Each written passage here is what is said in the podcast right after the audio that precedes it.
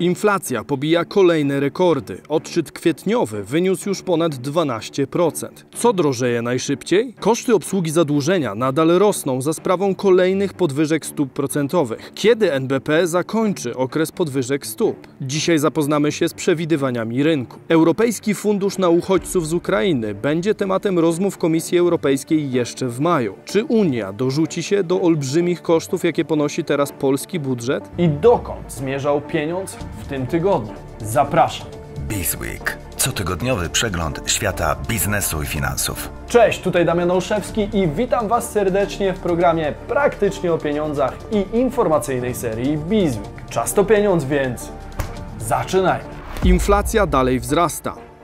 Kolejny dramat dla naszych portfeli. Inflacja jest na najwyższym poziomie od 24 lat i przebiła 12%. Kiedy zatrzyma się to szaleństwo? Niestety wszystko wskazuje na to, że nieprędko. W kwietniu 2022 roku ceny towarów i usług konsumpcyjnych wzrosły o 12,3%. W porównaniu z analogicznym miesiącem ubiegłego roku mediana prognoz wynosiła 11,5%, zatem kwietniowy odczyt przewyższył rynkowy konsensus. Już oficjalnie drugi miesiąc z rzędu mamy do czynienia z inflacją galopującą, czyli przekraczającą 10% w skali roku. Z pewnością zwiększyło to presję na Radę Polityki Pieniężnej, która dalej dynamicznie podwyższała stopy, ale o tym za moment. Opublikowane dane z GUS-u to tak zwany szybki szacunek, który jest pozbawiony wielu szczegółowych aspektów. Te poznamy dopiero w połowie maja. Póki co wiadomo, że we wszystkich trzech wyróżnionych kategoriach, czyli żywność, energia i paliwa, odnotowano dwucyfrową roczną dynamikę cen.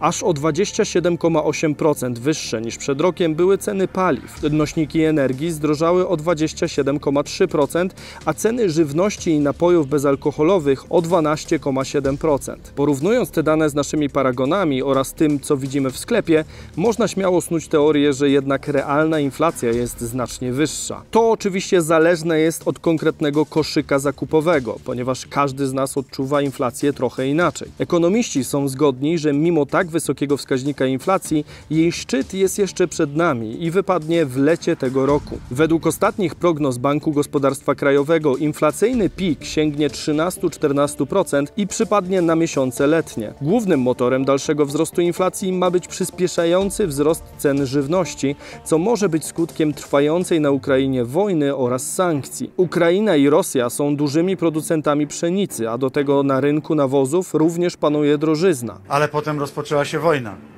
Zupełnie nieprzewidziane okoliczności. I dzisiaj znowu jest ta inflacja, ta putinflacja, bo to jest inflacja Putina.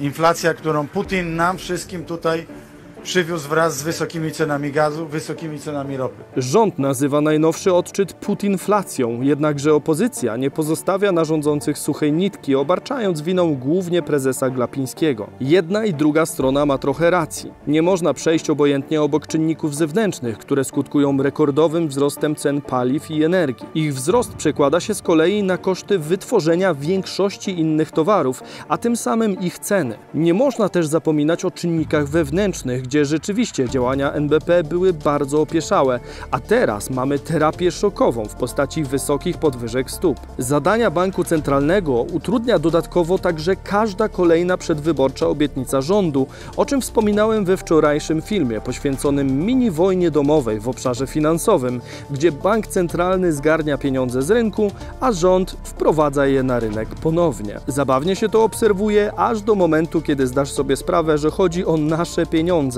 a za tę grę płacimy wszyscy. Odcinek znajdziecie w prawym górnym rogu ekranu i na karcie końcowej filmu. Jeżeli inflacja przebije próg 15-16%, to tak jakbyśmy tracili rocznie dwie pensje, czyli powiedzmy w listopadzie i w grudniu pracowali za darmo. Oby do tego nie doszło. Pytanie jak uważacie, do jakich poziomów dojdzie inflacja, zanim uda się ją spowolnić? Dajcie znać w komentarzu. Wysoka inflacja to również dalsze dynamiczne podwyżki stóp procentowych. Rada Polityki Pieniężnej podjęła w czwartek decyzję o kolejnym podniesieniu stóp procentowych. Można się było tego spodziewać, choć jednak RPP w pewnym stopniu zaskoczyła rynek. Rada podwyższyła stopy o 75 punktów bazowych, przez co stopa referencyjna jest już na poziomie 5,25%, czyli najwyższym od 2008 roku. Warto przypomnieć, że 2008 w świecie finansów jest kojarzony z upadkiem Lehman Brothers, co stało się symbolem wielkiego ówczesnego kryzysu finansowego na całym świecie. Rynkowy Rynkowy konsensus zakładał wzrost o 100 punktów bazowych,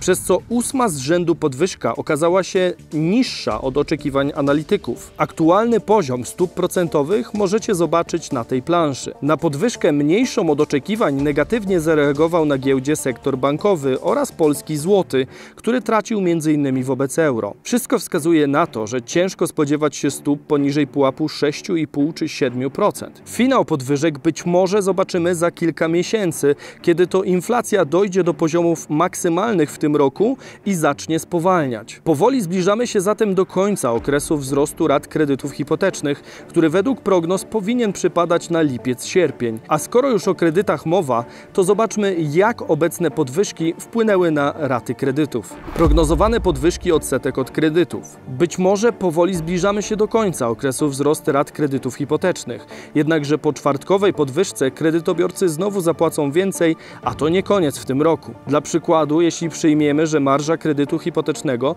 wynosi średnio 2,3%, a nowa stawka WIBORu 3-miesięcznego zostanie ustalona na poziomie 6,99%, to po ostatniej podwyżce rata będzie wyższa o około 50 zł dla każdych pożyczonych 100 tysięcy. Zatem dla zobowiązań w kwocie 300 tysięcy złotych rata wzrośnie o ponad 150 zł, ale już osoby z długiem na poziomie 500 tysięcy złotych zapłacą ponad 250 zł więcej. Kłopoty czekają głównie te osoby, które zaciągnęły kredyt blisko maksimum swoich możliwości w czasie pandemii, gdy obowiązywały rekordowo niskie stopy procentowe. Aktualnie nie mieliby nawet takiej możliwości, ponieważ według PKO BP przeciętna zdolność kredytowa we wszystkich bankach działających w Polsce obniżyła się średnio o ponad połowę względem 2021 roku. Za około 2 trzecie spadku naszej zdolności kredytowej odpowiadał wzrost stóp procentowych, a za 1 trzecią rekomendacje Komisji Nadzoru Finansowego. Coraz cięższa sytuacja kredytobiorców stała się już tematem politycznym. Rząd zaproponował pakiet zmian dla kredytobiorców, o którym mówiłem w zeszłym tygodniu. Z kolei opozycja proponuje m.in. zamrożenie stawek WIBOR na poziomie z przełomu 2019 i 2020 roku. Mimo, że niewątpliwie pomogłoby to w obniżeniu rat kredytobiorców, to jednocześnie w ten sposób zablokowalibyśmy jedyny kanał wpływu NBP na inflację poprzez regulację popytu. Oczywiście można się kłócić, na ile ten popyt powinien być obniżany za pomocą wzrostu kosztów obsługi kredytu i możliwości dalszego zadłużania, ale to jedyne narzędzie wpływu, które posiada obecnie NBP w walce z inflacją. Fundusz na uchodźców z Ukrainy.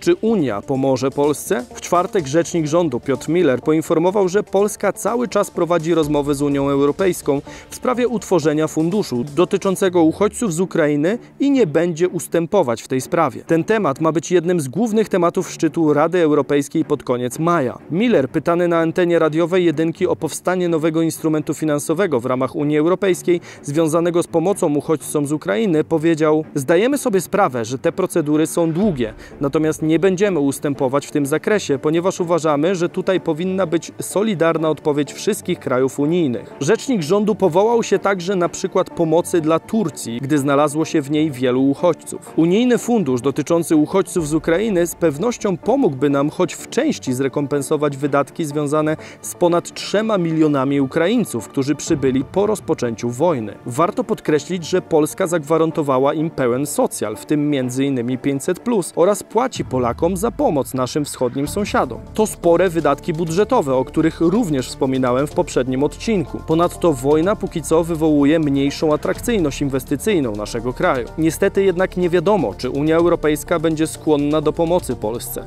Wojna zaczęła się już ponad dwa miesiące temu, a do dzisiaj nie otrzymaliśmy nawet jednego euro na ten cel. Niestety pochwały za honorową postawę nie wypełnią luki budżetowej. Transformacja energetyczna może być drogą do wyhamowania wzrostu cen energii. Transformacja energetyczna w Unii Europejskiej jest bardzo głośnym tematem na przestrzeni ostatnich miesięcy. Generuje on liczne dyskusje oraz spory zarówno pomiędzy frakcjami Parlamentu Europejskiego, jak i poszczególnymi państwami członkowskimi. Choćby dlatego, że różne państwa Europy są w innym stopniu uzależnione od paliw z rynku wschodniego. Podczas wywiadu w Polsat News była wicepremier i minister rozwoju Jadwiga Emilewicz przyznała, że szybki odwrót od węgla nie jest w Polsce możliwy. Ponadto zaznaczyła, że nikt nie będzie zamykał energetycznych bloków węglowych ani w tym, ani w przyszłym roku, bo to niemożliwe ze względów bezpieczeństwa. Polski węgiel, za który byliśmy tak bardzo bardzo krytykowani, w obecnej chwili jest na wagę złota. Jednakże posłanka zaznaczyła równocześnie, że zupełny zwrot naszej gospodarki w stronę węgla